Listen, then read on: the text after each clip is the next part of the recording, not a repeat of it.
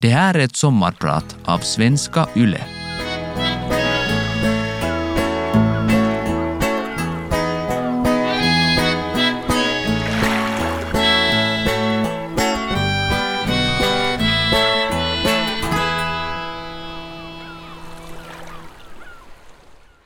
I mars tidigare i år står jag i barnens lekrum. På golvet ligger det bilar, legobitar och alla möjliga leksaker. När jag precis ska hålla ett telefonmöte där jag behöver berätta för tiotals chefer att de och deras team blir permitterade för en obestämd tid framöver hör jag att en av mina söner spyr i vardagsrummet. Nyheterna hade kretsat mycket kring coronaviruset under början av året.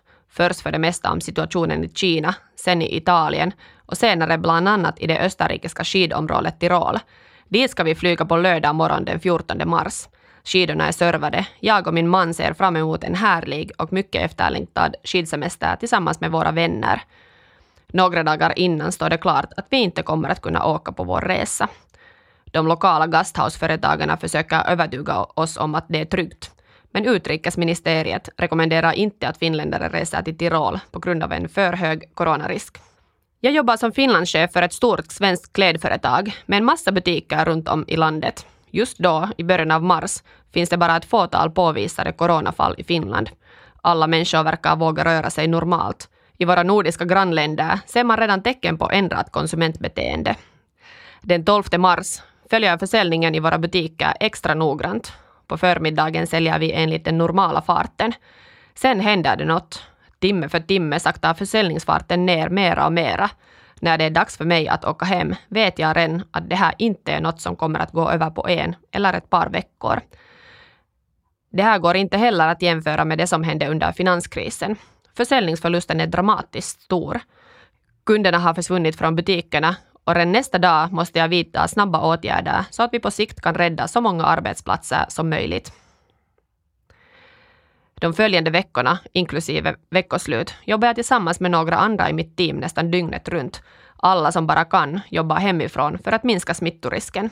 Resten av familjen får magsjuka och jag känner att jag har min kapacitet 110 procentigt i bruk när jag försöker sköta både familjen och arbetet i en väldigt ovanlig och kritisk situation som ett tu tre har sköljt över mig och oss alla som en svallvåg.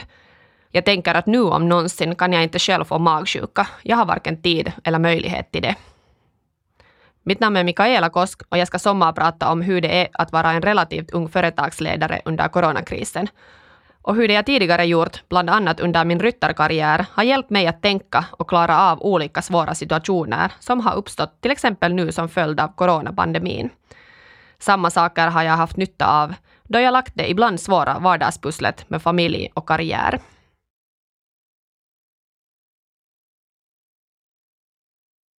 Den här låten hade vi garanterat dansat till på afterskin om vi bara hade kunnat åka till Österrike. Jag satt ensam och tyst i mitt arbetsrum. Jag funderade på om det här nu är ett vägskäl där jag either make it or break it. Det hände för snart två år sedan och jag hade en stund innan hört att jag skulle ta över ansvaret för en landsorganisation av ett stort internationellt klädföretag. Det kom totalt oväntat och jag var inte det minsta förberedd. Rollen som landchef innebär ansvar för flera hundra anställda och så som jag ser det, även indirekt för deras familjer, samt för en omsättning på flera tiotals miljoner euro. Jag kände ansvaret tynga på mina axlar och jag var beredd att göra mitt allra bästa i den nya rollen. Jag hade jobbat hårt i flera års tid och det här var ett stort karriärsteg uppåt för mig. Trots det tänkte jag dock att det här steget ska jag ta emot med lugn, kavla upp ärmarna och fortsätta röra mig framåt mot våra gemensamma mål tillsammans med mitt team. Trots min relativt unga ålder, jag var då 33 år gammal, hade jag varit i olika ansvarsfulla roller redan tidigare, men inte i någon lik den här. Ibland hade jag jobbat i ett team bestående av nästan enbart kvinnor och ibland i ett team bestående av nästan enbart män. Jag är lyckligt lottad på det sättet att jag inte kommer ihåg många tillfällen där jag på arbetet skulle ha blivit annorlunda behandlad för att jag är kvinna. Jag minns ett fåtal tillfällen, men de är inte från mina arbetsplatser. Det så kallade oj voj lilla flicka-beteendet har jag någon gång blivit bekant med. Det kan synas till exempel så här. En idé som jag presenterar får inte genklang hos någon. Men en tid senare presenterar någon annan, ofta en äldre man, precis samma idé som sin egen. Och då går den igenom. Men jag har aldrig lagt så mycket energi på sånt här. Jag har tänkt att livet sköter om saken så att dess riktiga belysning uppenbarar sig förr eller senare. Sedan är ju världen långt ifrån färdig, bland annat när det gäller jämställdhet. Många kvinnor får i sitt arbete uppleva sånt som man inte bara ska stampa på eller sopa under mattan. Men jämställdheten går framåt och jag vågar påstå att på dagisgården är det nu för tiden lika vanligt att se en pappa som en mamma komma springande efter sina barn innan dagiset stänger. Det gör mig riktigt glad, inte minst för barnens eller pappornas egen skull. Jordgubbskaka och festklänning skulle det finnas. Det har min mamma skrivit i min baby och barndomsbok om mitt femårskalas. Jag hade tydligen börjat utveckla mitt klädintresse redan då. Hemma hos oss har det visuella, både när det gäller kläder och inredning, varit viktigt.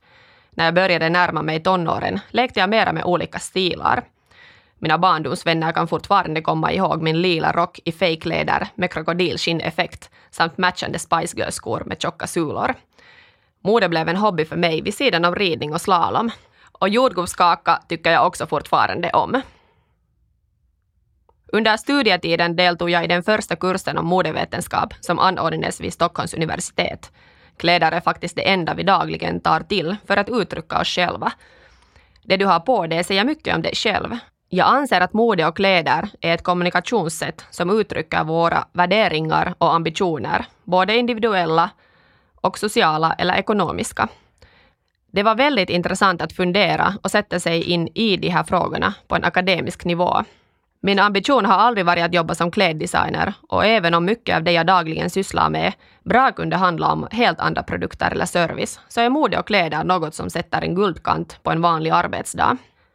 Samtidigt blir jag ledsen över det dåliga rykte som omger vår bransch. Vi har kommit en bra bit åt rätt håll när det gäller hållbarhet. Dock finns det ännu mycket som måste göras. Många företag i klädbranschen har tack och lov väldigt ambitiösa klimatmål för de närmaste åren. Jag upplever att det ofta målas upp en bild om klädbranschen som inte riktigt stämmer överens med verkligheten. Lågt pris är inte automatiskt detsamma som låg kvalitet och högt pris är inte automatiskt lika med hög kvalitet eller hållbara arbetsförhållanden. Samma fabriker och samma anställda kan sy kläder som senare säljs för 9, 99 eller 999 euro. Att gå på en second hand-marknad och köpa ett dyrt designerplagg där designerns namn står i rampljuset istället för hållbarhetsfrågorna är inte heller automatiskt ett hållbart val. Frågan är mera komplex än så. Men ett är säkert. Också i framtiden kommer vi människor att behöva kläder. Det ska och bör kunna produceras kläder också storskaligt för att effektivt kunna använda de resurser vi har och för att kunna investera i innovationer som för vår bransch mot ett mera hållbart håll.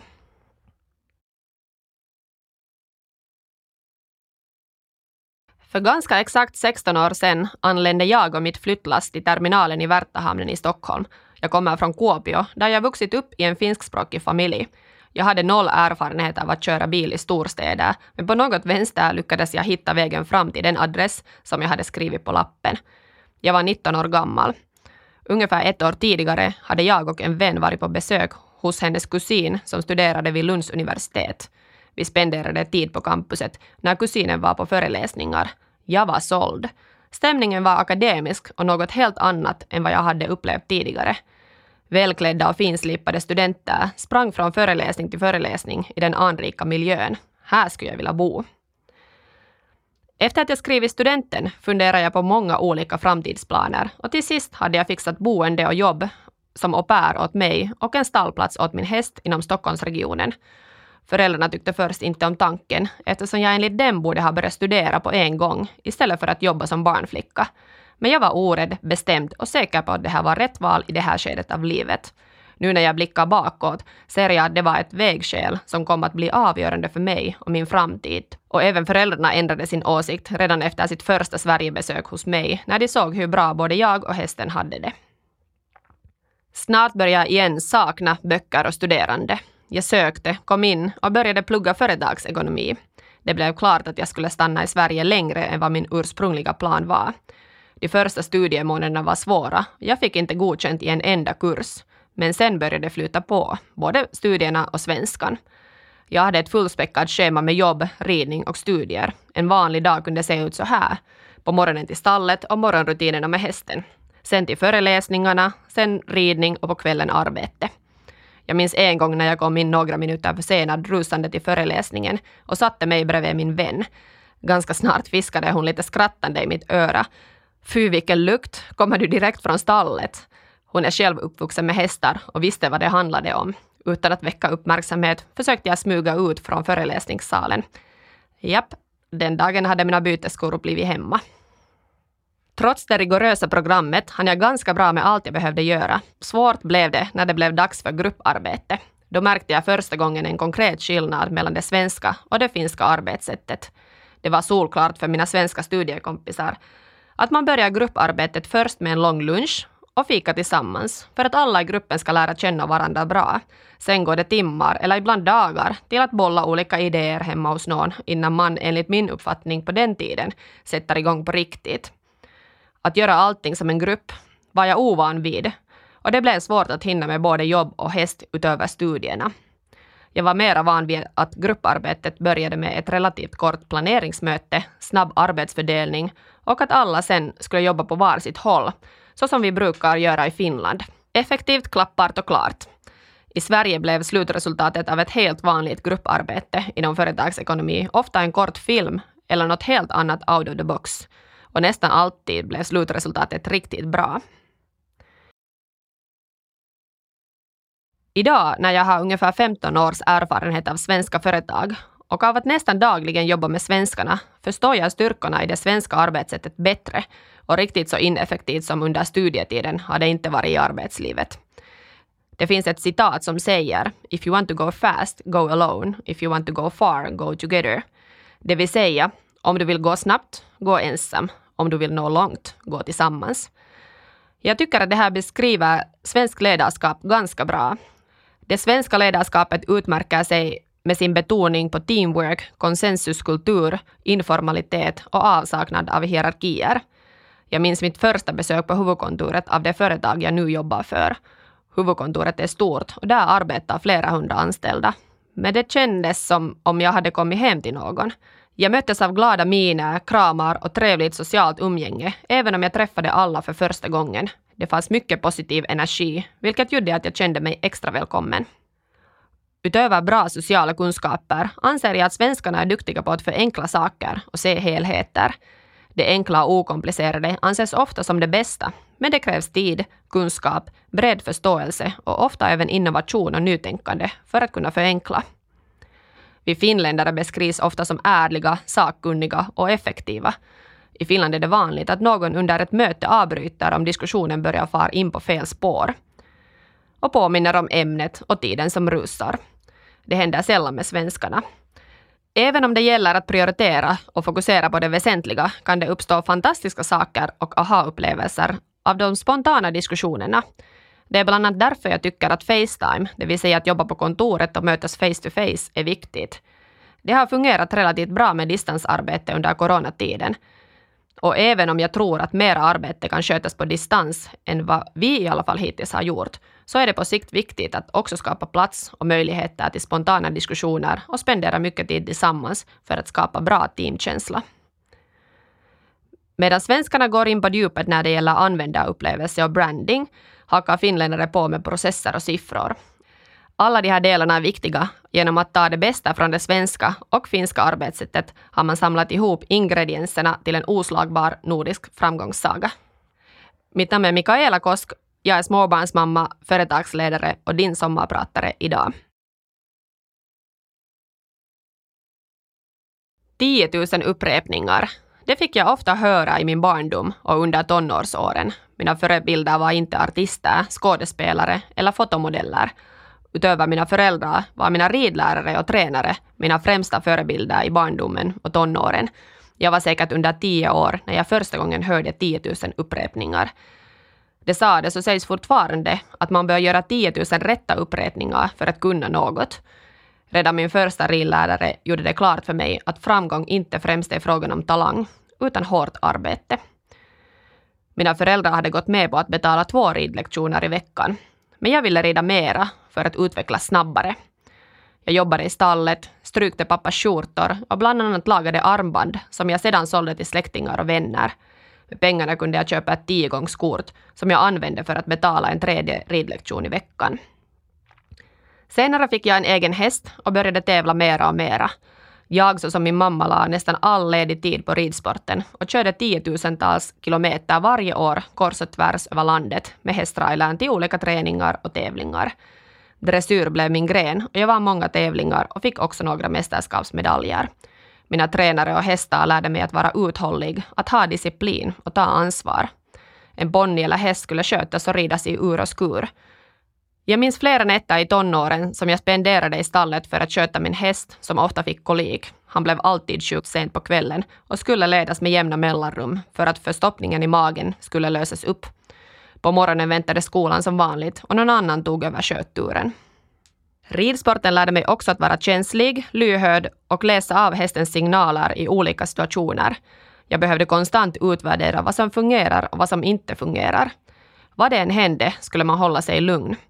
Varje häst är en unik varelse och varje förhållande mellan häst och ryttare är inte något annat likt. Båda ska vara i toppskick och välfungerande samarbete och kommunikation mellan häst och ryttare är avgörande för framgång.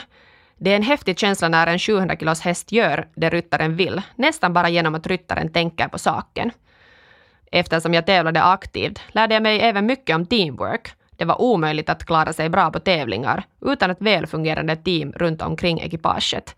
Teamet bestod av föräldrarna, tränarna, hästskötaren, hovslagaren, hästmassören, veterinären, sadelmakaren och så vidare. Det behövdes tydliga målsättningar, en bra plan och follow-up som alla skulle vara medvetna om och engagerade i. Mental träning spelade också en stor roll. Jag använde bland annat visualisering och lärde mig att ifall jag tänkte det minsta lilla på vinsten innan jag red in på banan gick det dåligt. Jag skulle bara fokusera på att rida så bra som möjligt. Modernt ledarskap handlar mycket om samma saker som jag lärde mig med hästarna.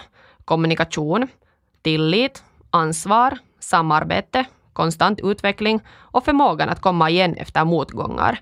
Det har sagts att det inte är någon tillfällighet att många skickliga ledare kommer från en uppväxt med hästar. Både och, inte antingen eller. Jag har alltid varit starkt övertygad om att det går att kombinera familj och karriär. Det är klart att jag behöver göra uppoffringar. Mina barn är fem och sju år gamla och arbetslivet och familjelivet krockar ständigt. Ofta behöver jag kompromissa, men sällan gällande de allra viktigaste sakerna. Är det till exempel frågan om barnens julfest, så är jag där. För att få det att gå ihop krävs det kommunikation, effektiv tidsplanering och en stödjande partner. Och ibland hjälp av mor eller farföräldrarna. Att pussla ihop allting är inte alltid lätt och ibland blir morgon eller kvällslogistiken ett totalt kaos. Men lite så som med hästarna gäller det att i alla fall försöka tänka fem steg framåt för att vara beredd och effektivt använda den tid man har till förfogande. För att hinna med det mest väsentliga och för att också hinna njuta. Det här ställer krav på prioriteringsförmåga och självledarskap, både på jobbet och på fritiden. Men trots det känner jag ofta att jag har en fiende och det är tiden. Den rusar allt för snabbt. Barnen har en självklar plats mitt i livet. Att vara småbarnsmamma och leda ett företag, dessutom i en bransch som har haft det kämpigt i Finland sedan länge, är utmanande. Jag lider ofta av känslan att jag inte räcker till. Skuldkänslorna finns där, både hemma och på jobbet. Enligt min erfarenhet är det här något som vi kvinnor oftare verkar lida av än män. Eftersom jag gillar både action och tempo slår jag många gånger knut på mig själv på grund av för strama tidtabeller eller ambitiösa planer. Jag tycker inte att det är så roligt att berätta för dagispersonalen att jag jobbar inom klädbranschen och samtidigt igen en gång se på när mitt ena barn springer glatt på dagisgården i alltför tjocka utebyxor och mitt andra barn har hål i knäna. Ofta krävs det en rejäl nypa självironi när jag ibland lyckad eller mindre lyckad försöker bolla mellan alla krav och mina långa to-do-listor. Trots att jag ibland behöver jobba sena kvällar värdesätter jag tiden med barnen oerhört. En gemensam middag och godnattsaga är något vi försöker få till, i alla fall nästan varje kväll. Nu när de blivit lite äldre är det skojigt att fara och skrinna, simma eller göra något helt annat med barnen på kvällarna. Att hitta på något roligt med dem efter jobbet är också ett utmärkt sätt att stänga av hjärnan efter arbete, så att man nästa dag igen kan tänka klart och ha hela sin kapacitet i bruk. När föräldrarna mår bra, mår barnen bra. För mig handlar livet om att göra och uppleva en massa olika saker. När det gäller mitt eget liv är jag inte ett stort fan av nutidens megatrend där allting kretsar kring ens eget välmående. Att skapa drömkartor, äta superfood, meditera och hålla på med mindfulness. Istället för att sitta, andas och fundera på hur jag idag känner mig laddar jag mina batterier bäst genom att göra och uppleva saker som för bort mina tankar från arbetet. Och det är fantastiskt att kunna göra det tillsammans med familjen. Jag är överlycklig över att ha två friska, glada och entusiastiska pojkar som gillar mys, kramar och familjens gemensamma TV-stunder. Men som även är nyfikna att utforska och uppleva saker utanför vårt eget hem. Tiden flyger snabbt förbi och barnen är små bara en gång. Fast jag måste medge att jag kanske inte alltid inser det. Till exempel en onsdags eftermiddag i november när det regnar, barnen gnäller och bråkar, hemmet är ett enda kaos, jag känner mig trött och har jobb upp i halsen att ta tag i. Eller när resten av familjen ligger i magsjuka och ena barnet spyr precis när jag ska hålla ett viktigt telefonmöte i början av coronapandemin. Men det gäller att försöka hitta sätt att njuta av vardagen längs vägen och inte spara allt det roliga till semestrarna eller till en senare punkt i livet.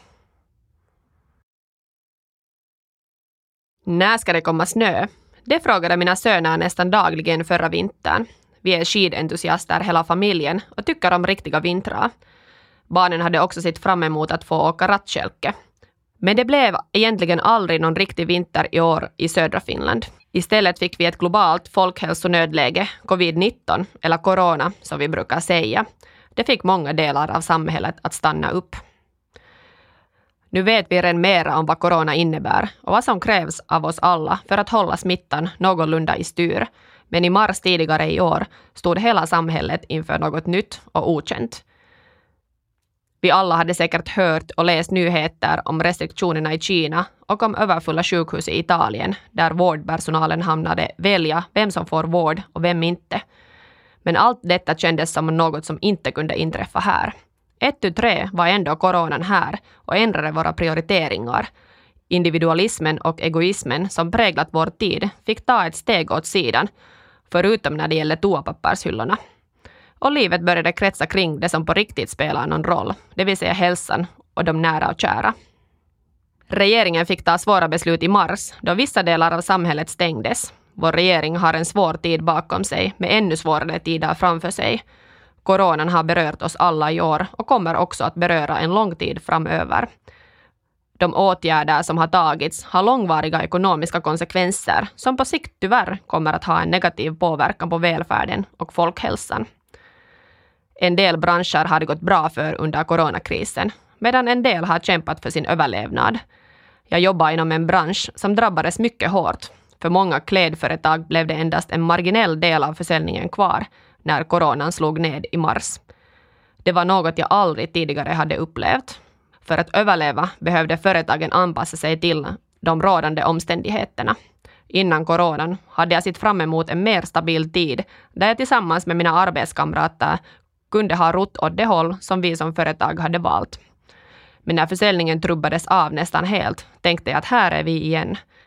Det blev några sömnlösa nätter när jag funderade på hur allt ska gå och oroade mig för mina medarbetare. Men så som också med barnuppfostran ska man inte låta det som här och nu känns lätt och enkelt styra över det som på sikt är rätt och bäst för alla.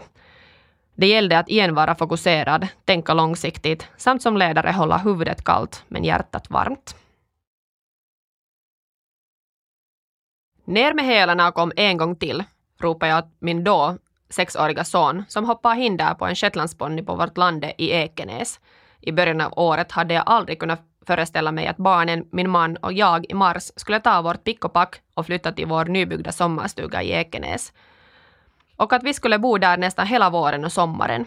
För oss och som för alla andra gällde det att stå ut med situationen och inte öka smittspridningen. Och vi kände att vi kunde göra det bäst genom att vara på landet. Men jag blev häpen över att jag, som alltid tyckt om att ha mycket på gång, faktiskt njöt av det simpla livet utan att känna att de dagliga rutinerna utan någon action eller socialt liv plågade mig med sin repetition och tristess. Jag förstår att vi som kunde fly till landet och ännu inte har barn i skolåldern var mera lyckligt lottade än många andra familjer, där föräldrarna, eller en förälder, fick kämpa med skoluppgifter vid sidan om sitt eget arbete i en liten lägenhet, eller kanske annars hade ett svårt läge i livet.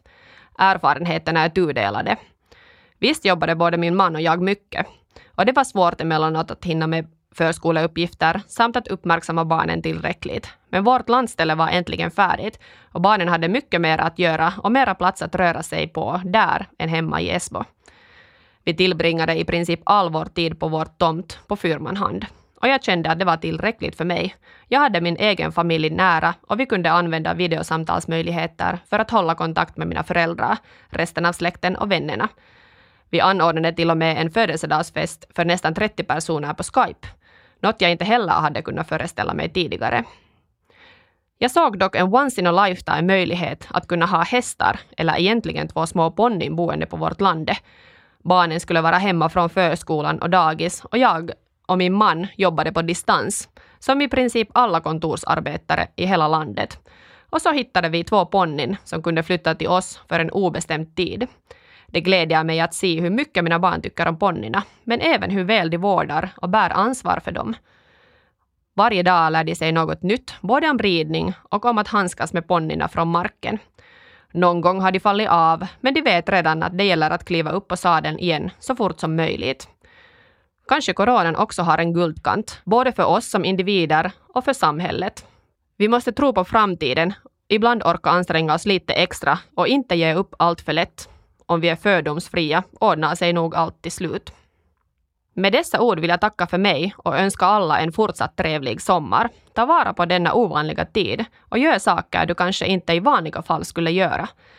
Var mera ute i naturen, åk ut i skärgården, anordna en middag över Skype eller gör något du kanske redan länge har drömt om.